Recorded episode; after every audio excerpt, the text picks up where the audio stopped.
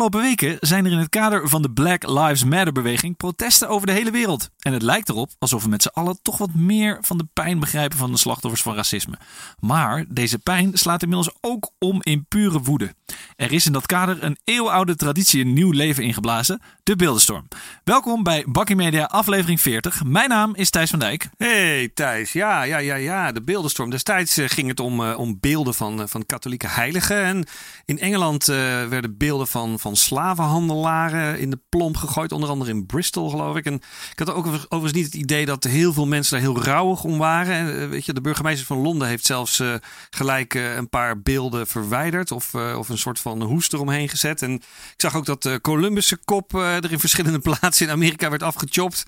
En ja, Native Americans die vinden Christoffel Columbus namelijk ja, een racistische massamoordenaar. En ja, is ook al, vind ik ook wel toch een beetje ironisch, uh, Thijs. Hè? Want uh, dat is toch. Uh, Columbus is een reiziger die totaal verkeerd uh, ja, was helemaal niet gepland. nee, nee, hij was op weg naar India, weet je nog. dus wat dat betreft, zo'n soort per ongeluk een, een, in de ogen van de Native, Native ja. Americans een racistische massamoordenaar geworden. En goed, mijn naam is trouwens niet Columbus, maar Daniel Kok. Ja, welkom weer. Ja, ik, ik las dus dat ook Winston Churchill's beeld was besmeurd. Hè? En ja, hij was als Engelse lord ongetwijfeld niet de meest gepolijste en inclusieve leider van allemaal. Maar volgens mij kennen we hem toch vanwege zijn succesvolle strijd tegen de nazi's. Nou ja, er is nog een mooie film over gemaakt. Hij komt in The Crown ook naar voren. En ja, daarmee staat hij voor mij toch wel een beetje aan de goede kant van de geschiedenis. Of heb ik het nou mis? Ja, je zou hem ook uh, het eerste lid van Antifa kunnen noemen. Weet je wel, echte antifascist was hij ja, onze, onze Churchill. En een beetje grof in de mond, denk ik zo af en toe een beetje. Dus uh, hij schijnt ook wel lelijke dingen gezegd te hebben. Maar goed, um, ja, wat weegt zwaarder? Hè? Dat is een beetje de vraag. Uh, een, een andere figuur die werd besmeurd trouwens althans zijn beeld, want uh, hij leeft niet meer, was uh, voormalig koning Leopold van, uh, van België. Weet Wel een mooie naam is dat. Echt een beetje een engert. En was in de 19e eeuw verantwoordelijk voor het af, afhakken van armpjes van Congolese kinderen. Oeh, echt, ja. echt heel nasty. En ehm, ja, in Nederland heb je dan natuurlijk Jan Pieterszoon Koen. ja, die ligt ook onder vuur. Nou, onder vuur van verfbommen en, en, en dergelijke. Maar dus, Daniel, even gewoon, even terug naar de feiten. Wat vind jij er nou eigenlijk van? Ja, wat vind ik ervan? Nou ja, zoals je weet, ik ben natuurlijk een enorme fan van geschiedenis. Ja, hè? Je bent ons lopende geschiedenisboek. ja, ik kan het niet laten om voortdurend te verwijzen naar, uh, weet ik wel, de Romeinen nee, of, uh, of de, de, de Persen of whatever. Napoleon. Napo Napoleon. Um, ja, en mensen, ja, dus mensen die dit, dit vaker luisteren, die weten dat natuurlijk. Maar goed, um, en ja, ik ben niet zo'n fan van, van echt dat georganiseerde woede. En ik bedoel, nog, uh, nog los van natuurlijk het hele racisme dossier, waar iedereen eigenlijk wel van, van vindt dat we daar wat mee moeten. En of dat daarmee iets moet, moet gebeuren. Echt dat, dat, dat en een dat, dat je met zo'n meute bepaalt wat wel of niet. Nou, weet je, dat, daar ben ik niet zo'n fan van. En nee. iemand in, in Londen die, die verwoordde het eigenlijk wel goed. Notabene ook een, een demonstrant. En die zei van, joh, als die beelden zo belangrijk zijn voor de geschiedenis, zet ze dan in een museum, weet je wel. En ja, ja, put, ja. Dan, kiezen, men, dan kiezen mensen er zelf voor om ze wel of niet te zien. En ik, dat vind ik eigenlijk wel een, een goeie, weet je wel. En op het moment dat je ze echt op straat zet, dan is dat natuurlijk misschien wel ook een beetje een statement. En uh, ja, maar goed, en tegelijkertijd wordt de straat ook wel weer wat saaier, weet je wel. Het is overigens echt lastig om figuren te vinden in de geschiedenis die brandschoon zijn. Hè? Ja, dat is niemand, denk Weet je, ik. Want, nee, want wat, wat dacht je van het volgende? Hè? Ik, heb, ik vond het toevallig toen ik hierover uh, over aan het lezen was. Twee jaar geleden is in Ghana een beeld van Gandhi verwijderd. Vanwege racistische uitspraken die Gandhi in zijn tijd in Zuid-Afrika heeft gedaan. En dat is dus echt ja, waar. Dit is ongeloofwaardig, toch? Ja. Dus het is bijna niet te geloven. Maar het, ja, het is echt waar. Check maar de show notes voor het, uh, voor het artikel. Nou ja, het probleem is een beetje wat jij ook zegt. Hè? Waar trek je de grens? Ik bedoel, beelden van Mussolini, Stalin, uh, nou, de Spaanse dictator Franco. Nou, daar kunnen we het allemaal wel over eens zijn. Maar beelden van Julius Caesar staan overal in Italië. Moeten we dan heel uh, de historie van uh, Rome plat gaan gooien? Moet het Colosseum dan uh, plat? Ja, die, Caesar was ook wel redelijke dictator en slavenhouder. Ik bedoel, hè, de, de gladiatorenspelen, ja, die, die waren daar natuurlijk ook gaande. Nou, Napoleon we het al over. Die staat ook overal in Europa met zijn beeldenis. Heeft ook wel wat smetjes ten aanzien van slavernij of nou ja, zijn koloniale verleden, zeg maar. Moeten we dan de hele geschiedenis uitwissen? Het heeft ons toch ook wel een beetje gevormd tot waar we nu zijn, vind ik. Vind je niet? Ja, nee, dit is natuurlijk een, een ongoing discussie. En ik bedoel, uh, er is begrip aan de ene kant en aan de andere kant uh, verzet. En uh, ja, weet je, maar wat, wat ik zat te denken, Thijs, hè, na deze uitgebreide historische inleiding, eh, komen we eigenlijk bij een volgend punt. hoe je het ook wendt of keert, zijn er dus de afgelopen tijd een hele hoop sokkels vakant geworden. Ja, er zijn precies. plekken, de Ja. plekken vrijgekomen. Van Londen tot Minneapolis, van Brussel tot Ghana.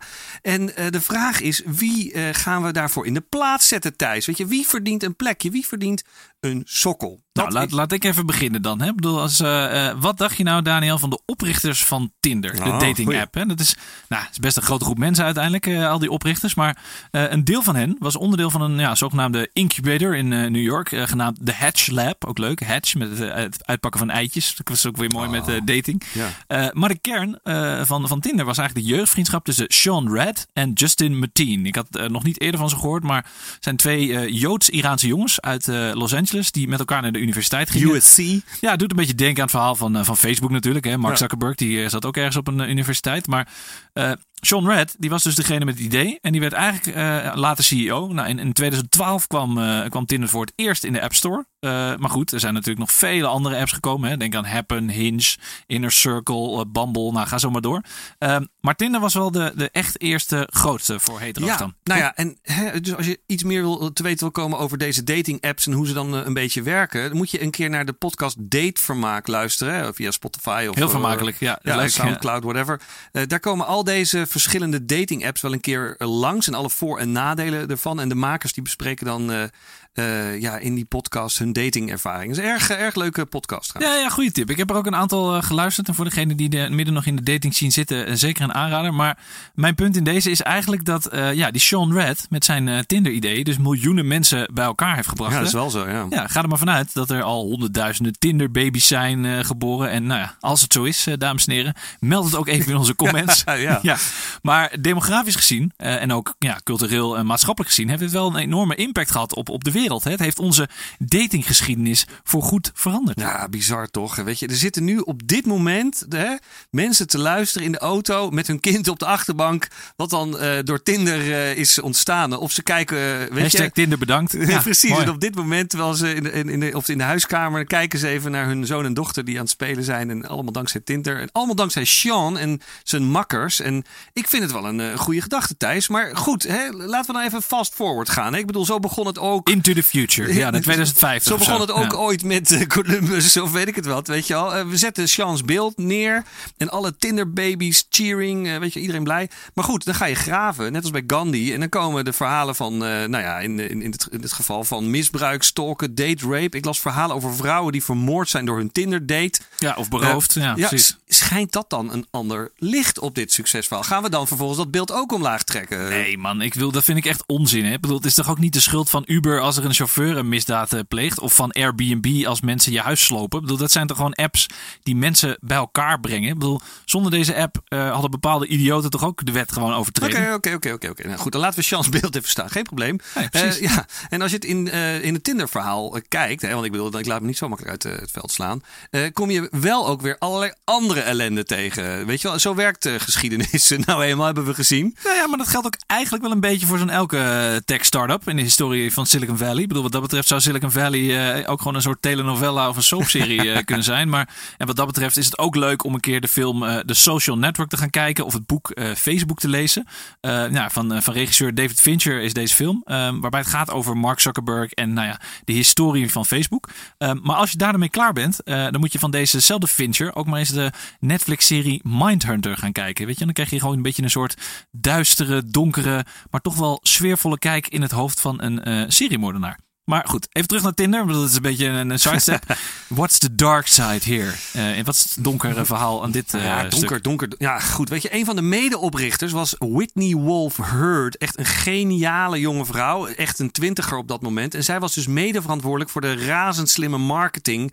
Ehm, oh, leek ook wel een heel klein beetje op eh, inderdaad hoe Facebook het had aangepakt. Eh, ehm, ja, eh, die marketing was allemaal vond plaats rond universiteitsparties. En je hebt dus speciale bedrijven die dat soort feesten organiseren. En een van de oprichters die we net noemden was dus medeoprichter van Tinder, Justin Mateen. En die had daar dus een netwerk en een bedrijf in. En samen met Justin ging dus Whitney dit soort feesten langs. En gingen ze dus allemaal mensen interesseren voor die Tinder-app. Alleen, nou komt het. Ze kregen wat met elkaar, die twee. Ah, dat is wel grappig. Ja, dan hebben we nog zonder digitale hulp, want de app was er nog niet. Dus uh, gewoon old school op nou ja, de werkvloer, dansvloer. Nou ja, zo'n beta party. Uh, ik weet niet of je die films ooit gezien hebt, maar gaat er best uh, ruig aan toe. Dus, nou ja, precies. Goed, volgens mij. De, de, kijk, de app was er wel. Ze gingen die natuurlijk marketen, maar ze hebben elkaar gewoon gevonden door samen te flyeren. Ze hebben hem niet zelf getest. ja, precies. precies. maar goed, weet je, hij was haar baas. Weet je, dat is niet handig. Weet je, dan krijg je toch weer zo'n machtsverhouding. En dat is niet, niet, niet, niet echt iets wat, wat de rechter altijd erg tof vindt. En het ging toen uit en ze kreeg dus knetterende ruzie. allemaal berichtjes over en weer, bedreigingen. Het was zelfs zo dat die Justin op een gegeven moment had, zei van... jij mag de komende zes maanden geen nieuwe verkering krijgen. Oh, Weet je wel? leuk. Een soort concurrentiebeding ja, zet, zet u erin. Een soort relatie, concurrentiebeding, maar intimidatie. Dus heel nasty. En zij werd er dus uitgetiefd, weet je al. En nou goed, ik bedoel, deze vrouw, uh, dat zul je straks horen... dat is echt een slimme vrouw. En ja, goed, die heeft gewoon Justin en Sean gesuwd... Hè, voor sexual harassment. Want zo gaat dat, uh, zo gaat het in Amerika. Ja, en um, ja, dat werd natuurlijk uh, uh, buiten de rechtszaal werd dat geschikt. En ehm, nou ja, wat wel ongeveer bewijs was dat er wel iets aan de hand is. Die Justin, Justin Martin, die werd er dus uitgegooid door zijn oude vriend Sean. Hoeven overigens niet uh, medelijden hebben met Justin. Ik denk ook niet dat, je, dat mensen dat hebben na dit verhaal. Maar dat is nog steeds een investor. Die is nog steeds multi-multimiljonair. Um, maar goed, het is een schitterende soap. En Whitney startte haar eigen website. En je noemde het net al, Bumble.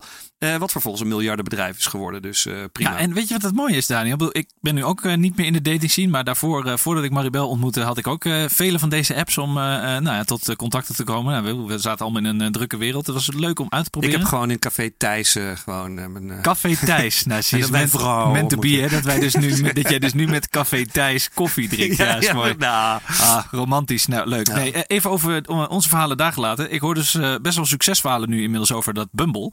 Uh, want, en als je het zo ziet, hè, als je het zo brengt, dan zie ik best wel wat mogelijkheden weer voor de hashtag MeToo-beweging. Om dus dan dat beeld van Sean uh, weer om te gaan gooien. Want kijk bijvoorbeeld maar naar verhalen over Harvey Weinstein of Jeffrey Epstein. Ook een aanrader trouwens, qua documentaire op Netflix. Dat verhaal van Epstein, mocht je nog niet gezien hebben. Oké, oké, oké. oké. Nou, weet je, in dat geval moeten we dan even misschien Whitney een beeld geven voor Bumble. Want bij die app ontstaat er dus, uh, als ik het goed begrijp, alleen een match als de vrouw initiatief neemt. Weet je wel, super girl power. Misschien moet zij dan gewoon dat beeld krijgen. Kijk, dat vind ik nou een mooie compromis. En, en ik las trouwens ook dat momenteel bij al die dating apps dat er een interessante discussie gaande is. Dus of het oké is om een zogenaamde etniciteitsfilter aan te bieden. Bij Grindr, dat was echt de eerste volgens mij. 2008 uit mijn hoofd. Ja, de, gay hookup app waarbij je gewoon zegt van nou waar ben je, ik kom langs. Uh, kon je letterlijk dus de voorkeur aangeven. Nou, ik wil Asian, Latino, uh, black. Dat, dat kon toen nog. Maar het omgekeerde gebeurde dus ook vaak. Hè? Mensen, mannen zetten dan bijvoorbeeld ook neer no Asian in hun profiel. En veel bedrijven halen nu dus, nou ja, vanwege de inclusiviteitsdiscussie, racisme-discussie, dit soort filters weg. Maar anderen juist ook weer niet. Dus uh, Hinge uh, zegt van, nou, geeft aan dat de minderheidsgroep er juist om vragen. Hè? Omdat ze vaak worden omringd door de, nou ja, de, de white supremacy, zoals het nu wordt genoemd. Ja. En deze selectietool helpt dan ook juist weer om te matchen met mensen met wie ze dezelfde achtergrond en waarden delen. Dus ja, het is lastig hè. Seksuele voorkeuren laat ze toch een beetje moeilijk sturen. Maar goed, uh, nu jij Daniel, we hebben de sokkel uh, gehad. Whitney staat op deze sokkel. Wie komt er op, je, op jouw sokkel Oké, oké, oké. Nou hou je vast. ook absoluut geen lievertje. Hè? Dus we merken dus langzamerhand inderdaad dat iedereen die je dan uit kan kiezen ook wel een soort van randje heeft. Maar deze, deze meneer helemaal. controversieel. helemaal in jouw straatje. Elon Musk. Ah, ja, zeker. Ja. Ja, ja, Weet je, deze man heeft zoveel ontzettende slimme dingen op zijn naam staan. Weet je, een man met echt echt uh, megalomane dromen en grote ja, ambities. Think Big heeft hij wel uitge ja, uitgedacht. Hè? Think Big, dat is wel echt uh, Dream Crazy. Hij is eigenlijk gesponsord moeten worden door uh, de Nike. nou, misschien is hij dat ook wel. weet je. Wie weet. Deze gast leerde zichzelf programmeren en verkocht als tiener al zijn eerste game voor 500 dollar. hij is medeoprichter ge geweest van PayPal. Dat op zichzelf is natuurlijk al, al, al, al cool. Maar weet je, de, de, oprichting en het idiote succes van Tesla. Weet je, dat is natuurlijk het meest in het oog springt. En wist je dat de beurswaarde van Tesla groter is dan die van BMW, Mercedes en Volkswagen bij elkaar. Echt ja, ja, niet normaal. Bizar. En weet je wat ik het interessante vind? Ik las dus ook ergens dat zij dus niks aan advertising doen. Hè? Dus traditionele advertising, hij is een beetje anti adverteren. Dus hij is echt ook nog, ja, ook daarin is hij eh, controversieel. En dan is hij ook nog eens de oprichter van SpaceX, hè, het bedrijf wat een paar weken geleden de eerste lancering van een bemand eh, ruimteschip door een commercieel bedrijf verzorgde. Jij stuurde me nog een uh, Twitter screenshot dat jij zat te kijken live naar de eerste lancering. Toen ging het mis. Toen ging het mis. Uiteindelijk was het allemaal geslaagd. en voor het eerst dus sinds 2011 alweer, dat is best wel een tijdje terug, dat er een Amerikaanse vliegtuig of space shuttle door de ruimte bewoog. Ik bedoel, er vliegt natuurlijk nog wel een, een Tesla rond de aarde, maar, maar voor het eerst in de geschiedenis uh, van de mensheid is het dus een missie geweest die niet vanuit uh, een NASA werd gedaan. Hè? Dat vind ik best wel indrukwekkend. Dat komt denk ik echt wel in de geschiedenisboeken als ja. wij over 50 jaar nog bakkie aan het maken zijn. Dan zeggen, weet je nog in 2020? Ja, want tussen 2011 en 2020 moest dus de, de, de NASA uh, zijn astronauten vervoeren via Russische uh, ruimtevaartuigen. Ja, dat vond, Trump niet, dat vond Trump niet zo leuk, denk ik. nee. Maar goed, het interessante van, van onze, onze Elon Musk is natuurlijk het feit dat hij ook... Uh, nou, hij is natuurlijk ook controversieel. Hè? weet je, hij zegt dan dat hij met zijn initiatieven de wereld wil redden. Weet je wat? Dan zegt hij met Tesla wil hij de lucht schoonmaken. En via SpaceX wil hij de planeet evacueren als het nodig is. Een soort Interstellar, weet je die film? Dat heb je niet ja, gezien ja, met Matthew McConaughey? Gaan we allemaal naar een andere planeet? Maar goed, hij, weet je, hij heeft nog veel meer ondernemingen. Hij heeft een Hyperloop een, weet je, een transportsysteem waarin mensen met snelheden van 1000 km per uur uh, kunnen verplaatsen. En... Ja, en met een uh, bedrijfje genaamd Neuralink, of Neuralink, uh, wil hij ook het menselijk brein rechtstreeks verbinden met computers. Het is een soort uiteindelijk doel dat mensen met gedachten computers kunnen bedienen. Voelt een beetje als Transcendence of Uploading.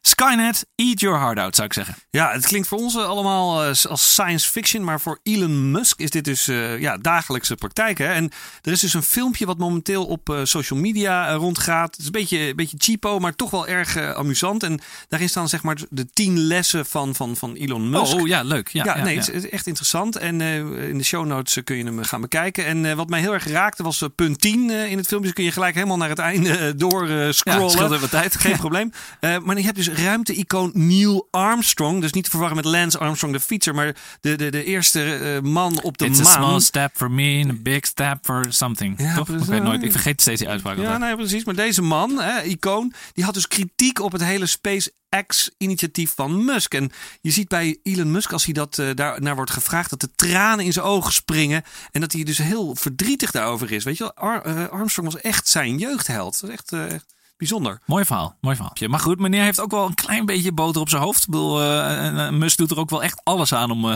vijanden te maken. Hè? Met zijn tweets, met zijn uitspraken. Ik bedoel, hij noemde de lockdown in Californië bijvoorbeeld uh, vanwege corona fascist.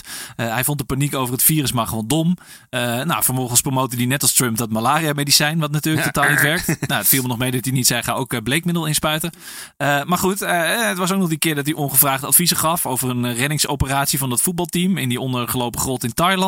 En toen een van de duikers dit op Twitter een uh, soort PR-stump noemde, antwoordde Musk met Europedo guy. Ja. ja. En dan nog die keer dat hij zat te blowen in een radio-uitzending. Nou, zo kan ik nog even doorgaan. Dan kunnen we een hele uitzending uh, wijden aan zijn nou, uitspraken. En wat ik dus ook las, is dat hij heeft op een gegeven moment een keer getweet van, nou, ik ga uh, Tesla van de beurs halen. En toen, toen dipte gewoon echt gigantisch de, het, het, het aandeel. Of, Over impact gesproken. Ja, ja precies. En toen, sindsdien wordt hij echt gecontroleerd door een of andere compliance gast, dat hij niet niks meer Don't say anything stupid, Elon. Kortom, uh, zijn impact op de wereld, maar ook de geschiedenis is groot. We weten gewoon zeker dat dat SpaceX en Tesla, dat het allemaal in de geschiedenisboeken komt. En, uh, maar goed, oké, okay, hij zegt allerlei domme dingen. Ik denk dat men het eerste dus wel gaat onthouden en uiteindelijk die domme dingen dan een beetje gaat vergeten. Wat denk jij? Ja, maar goed, hij krijgt dus een paar verfbommen en dan laten staan uh, zijn beeld, ja, toch? Ja, dat denk ik wel. nou, wat mij trouwens wel opviel toen ik dat filmpje ging bekijken, wat je zei, wat, wat jullie ook straks gaan doen om alle lessen van Elon, want ja, iedereen, everybody wants to be like him, of in elk geval net zo rijk als hij was wel hoe moeilijk hij eigenlijk praat. Weet je wel? Het lijkt net alsof zijn hersenen honderd uh, keer sneller werken. Of dat hij al connected is uh, met die computer. Want zijn mond volgt zijn gedachten niet, lijkt het of zo. Hij zoekt naar woorden, hij stottert. Ik, ja, het is soms ook gewoon echt niet te verstaan. En ja, ook presenteren is niet echt een skill. Hè? Als je de laatste Tesla-lanceringen bekijkt. Of op een gegeven moment dat ze dat, dat, dat glas gingen testen. Van nou, is dat unbreakable glass? Nou, het ziet er allemaal een beetje knullig uit. Maar goed. Daniel, we hebben nog tijd om uh, allebei één beeld uh, neer te zetten. We hebben er nu twee neergezet. Uh, en ik vind niet dat we alleen maar kapitalisten moeten doen of rijke lui. maar ook een beetje social justice met die beelden. Vind je niet? Daar is het toch een beetje mee begonnen ooit. Ja, goed punt. het is helaas best vaak zo dat dit soort rijke zakenlui eh, ja, dit soort Stanford, Harvard boys, dat die eh, enorme impact hebben op de maatschappij. Maar ja, hoe gaan we hiermee om? We moeten een beetje omdenken. Ehm, we zijn er nu eigenlijk eh, wel achter dat nagenoeg iedereen wel ook een, een beetje een, een, een, duister randje heeft of rare uitspraken heeft gedaan. Dus nou ja, ik denk iets anders kiezen. Ik, ik, ik, denk ook dat we moeten kijken naar mensen of figuren die ons inspireren en op die manier misschien impact hebben. Wat dacht je bijvoorbeeld van Beyoncé? Hè? Toch iemand die een paar jaar geleden Amerika op haar grondvesten deed schudden met haar Super Bowl optreden met het nummer uh, Formation. Je weet wel, die achtergronddanseressen in het zwart. Met Black Panther barretten, vuist in de lucht. Nou, dat was natuurlijk best wel ook wel weer een statement. afgelopen week schreef ze ook nog een open brief naar de procureur-generaal van Kentucky. Vanwege het in haar eigen huis doodschieten van Breonna Taylor. een zwarte vrouw door de lokale politie. nou, dat is natuurlijk nu helemaal hot. Als er iemand die zwart is of donker is van kleur en wordt neergeschoten, dan wordt dat groot in het nieuws gebracht. Absoluut. En daar, daar brak zij een lans voor. En indrukwekkende persoonlijkheid, helemaal eens. En American Royalty noemen ze haar. Uh, haar uh, huwelijk in combinatie met Jay-Z. En deze Jay-Z kreeg trouwens ook kritiek uit eigen kring. Uh, omdat hij een miljardendeal had gesloten met de NFL.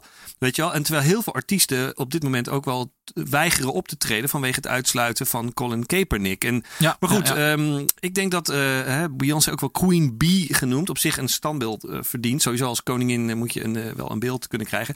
Maar Hè? Ik wil toch een lans breken voor iemand anders, Thijs. En het is wel iemand die heel erg eigenlijk wel best wel een beetje lijkt op Beyoncé. Um, maar net wat meer uh, controvers. Eigenlijk de, de, weet je, de dark side van uh, net, net even een, een ander, andere persoonlijkheid. En dan heb ik het over Rihanna. Ah, ja, Riri. Ja. Die, die, over haar kun je natuurlijk ook een ellenlange lijst maken met relletjes. Hè? Trouwens wel dingen waar we in, in, Nederland nou ja, inmiddels een beetje onze schouders over ophalen. Hè? Of het nou naaktheid is, een beetje blowen. Dingen waar ze in Amerika helemaal crazy van worden. Maar goed, weet je. Rihanna die deed ook een kooksnuiven eh, ze werd uit een moskee gegooid. Uh, nou, ze dronk uit een diamanten flacon uh, tijdens een awardshow. Uh, nou, ze zat een beetje te fozen in een Spaans zwembad met een getrouwde Saoedische prinses. Wederom een beetje controverse houden wij wel van, Daniel. Nou, dat is zo. Beetje braaf vinden, maar niks. Nee. Um, en, toch, ja, weet je, en toch denk ik dat ze dus absoluut een even hoog standbeeld verdient als Beyoncé. En niet alleen voor het opkomen voor de gekleurde medemensen, want dat doet ze ook. Hè. En bijvoorbeeld doordat ze onlangs al haar modemerken een dag dicht gooide. Weet je wel, Fenty en Fenty Savage en um, ze weigerden ook maar iets te verkopen uh, vanwege nou ja, het hele uh, police brutality eh, verhaal. Nou ja, en dat op de dag dat heel veel andere merken gewoon niet verder kwamen dan een uh, zwart vierkantje op social media met de hashtag Blackout Tuesday. En ja, en nou ja, goed, die had haar merk Fenty trouwens ook geplaatst, maar dat was dan onderdeel van het, het, het, sluitingsproces, denk ik. Ja, en, en Fenty is Rihanna's achternaam. Wist je dat? nee, nee, dat wist dus echt niet. Nee, dat is echt super grappig. Um, maar goed, wat, wat ook voor haar pleit, is dat ze met haar lingeriemerk strijdt voor een positief zelfbeeld voor alle vrouwen met grote kleine maten, alle leeftijden, handicaps. Eh, eh, seksuele geaardheid, ga maar door. Daar is ze heel erg uitgesproken in. Echt heel mooi. En uh, tegelijk strijdt ze ook voor onderwijs voor arme kinderen over de hele wereld. Hè. Mooi, twee, ja, ja, goed. Twee jaar geleden herinnerde ze met een hele tactische tweet uh, minister-president Rutte en minister Kaag aan een uh, eerdere afspraak om geld te doneren. Dus, nou, ik stel me voor dat ik stel me zo voor dat Mark Rutte op een bijeenkomst met een glas champagne in de hand zegt: Ja, sure, Rihanna, we'll give you some money. We'll put it, we'll talk later. Put it under your umbrella. ja, precies. en dan bam, zo'n uh, incasso-tweet eroverheen. ja, sterk, sterk. Ja, vind ik wel leuk. Incasso-tweet.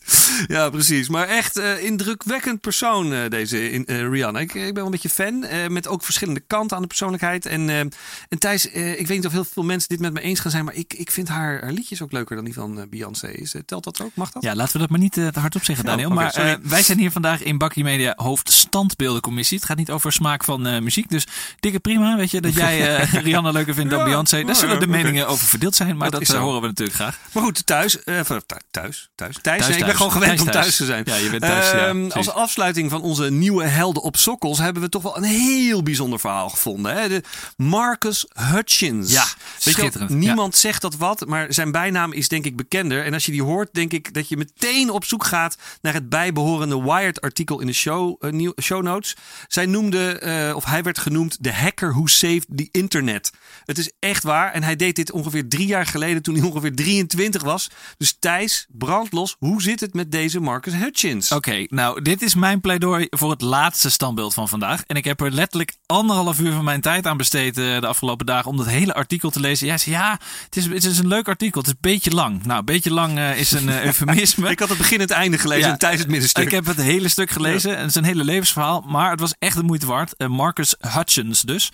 deze voor mij ook nog redelijk anonieme strijder met een Jamaicaanse achtergrond is een, ja, een, voor mij wel een van de mooiste untold stories van het internet. Hè. Deze man heeft samen met een, een medehacker de ondergang van het internet letterlijk voorkomen en een strijd gewonnen met een virus met een prachtige naam, WannaCry. Dat was dus in 2017. En dat noemen ze een, een malware virus. Net een soort uh, Trojan horse. Eigenlijk gewoon uh, ja, slechte software. Wat door Noord-Koreaanse uh, hackers was ontwikkeld. Nou, misschien dat Kim Jong-un er, er, toch iets mee te maken. en wat dus onder andere websites aanviel van de Britse gezondheidsplatformen. De Duitse spoorwegen. Netflix. Amazon. Nou, ga zo nog maar door. Een aantal ja. grote bedrijven lagen echt onder vuur. En, en lagen er gewoon uit. Ja, en hij werd een, vervolgens wel een paar maanden later door de FBI gearresteerd. Weet je, terwijl hij lag te blowen in een Airbnb. zo van genietend van zijn heldenstatus eh, op de hackersconferentie van DEFCON in Las Vegas. Want hoe zat dat dan? Ja, nee, dat klopt. En weet je, Marcus die had dus al een, best wel een track record opgebouwd hè, als hacker. Eigenlijk aan de, een beetje aan de dark side van het internet. Met het bouwen van zogenaamde stoute software om, uh, om boeven te helpen.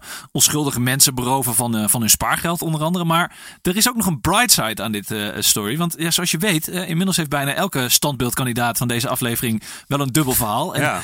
Juist omdat deze Marcus dus deze ervaring had met het bouwen van die slechte stoute software, was hij dus heel goed in staat om adequaat te handelen en dus de zogenaamde kill switch van uh, WannaCry te vinden. Dat is heel mooi. Ja, dat moeten we even uitleggen. Dat is ook echt, vond ik heel erg interessant. Um, dat deel uh, van het verhaal is ook goed om even op in te zoomen. En uh, weet je, toen die aanval van WannaCry kwam, um, ontdekte Marcus dat deze malware vlak voordat het de, de aanval plaatste een heel vaag en uh, best wel lang webadres opriep. Met ja, allemaal precies, ja. A's en B's en een 1 en 2 en uh, dollartekens. En uh, in een soort briljant moment van, van clarity bezocht hij dat webadres. En hij ontdekte dat dit do domein niet was geregistreerd. En nadat... Beetje dom van die Noord-Koreanen. Ja, ja, maar weet je, nadat hij dat had gedaan voor 10 dollar had hij het vastgelegd. Was ineens dus de schadelijkheid van, van deze, dit hele virus geneutraliseerd. Weet je wel. In hackerstermen had hij daarmee dus een sinkhole gemaakt. Ja, en hij had dus, zeg maar, om het even weer naar mensentaal te brengen, twee raketten afgevuurd. Hè, als een soort, uh, ja, een soort strijder. Op de reactor core van die vijandelijke Dead Star. Nou, dan komen we weer bij onze Star Wars, ja, Star Wars uh, ja. analogie. Uh, maar de dagen erna richten dus allerlei hackers hun raketten op dit kerstvers geregistreerd domein. Begonnen die massaal aan te vallen. En, DD-DOS aanvallen? Ja, ja met DD-DOS aanvallen. Met veel te veel koffie en een week zonder slapen. Volgens mij sliep hij drie uur in, in de week. kreeg Marcus het dus wel voor elkaar om al programmerend op zijn zolderkamertje bij zijn ouders de ondergang van het internet gewoon. En daarmee miljarden euro, nou ik denk wel biljoenen uh, euro's aan schade te voorkomen. En ja, deze man is voor mij wel een persoonlijking van een anti-held. Zeg maar de Anakin Skywalker, de Darth Vader voor de Star Wars fans onder ons. Maar tegelijkertijd is hij ook Luke Skywalker, de held. Dus hij is anti-held en held in één. En zijn arrestatie, waar jij uh, net even naar refereert, liep ook nog goed af. Want in plaats van 20 jaar gevangenis, of weet ik hoeveel jaar, 25, vond de rechter dus die goede daden van hem uh, zwaarder wegen dan zijn, uh, zijn hackers kattenkwaad. En werd hij dus vrijgelaten met een boete van ah, een paar honderd dollar.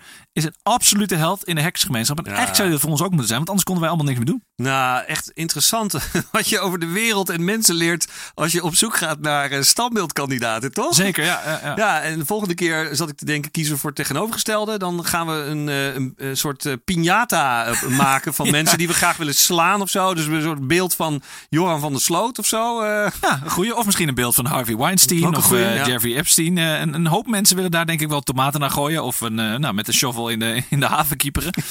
Anyway, uh, dit was Bakkie Media Beeldenstorm alweer voor vandaag. Deze aflevering is zoals gebruikelijk terug te luisteren op Soundcloud, Spotify en Apple Podcast. Ook zijn we uiteraard terug te vinden op de platformen van onze mediapartners, de Adformatie en de Ondernemer. En ook kan je ons volgen op Twitter via @bakkiemedia, op Instagram via @bakkiemediapodcast en ook op Facebook zijn we te vinden voor onze familie en vrienden. Vergeet niet te liken, sharen en te commenten. Tot volgende week. Hoi.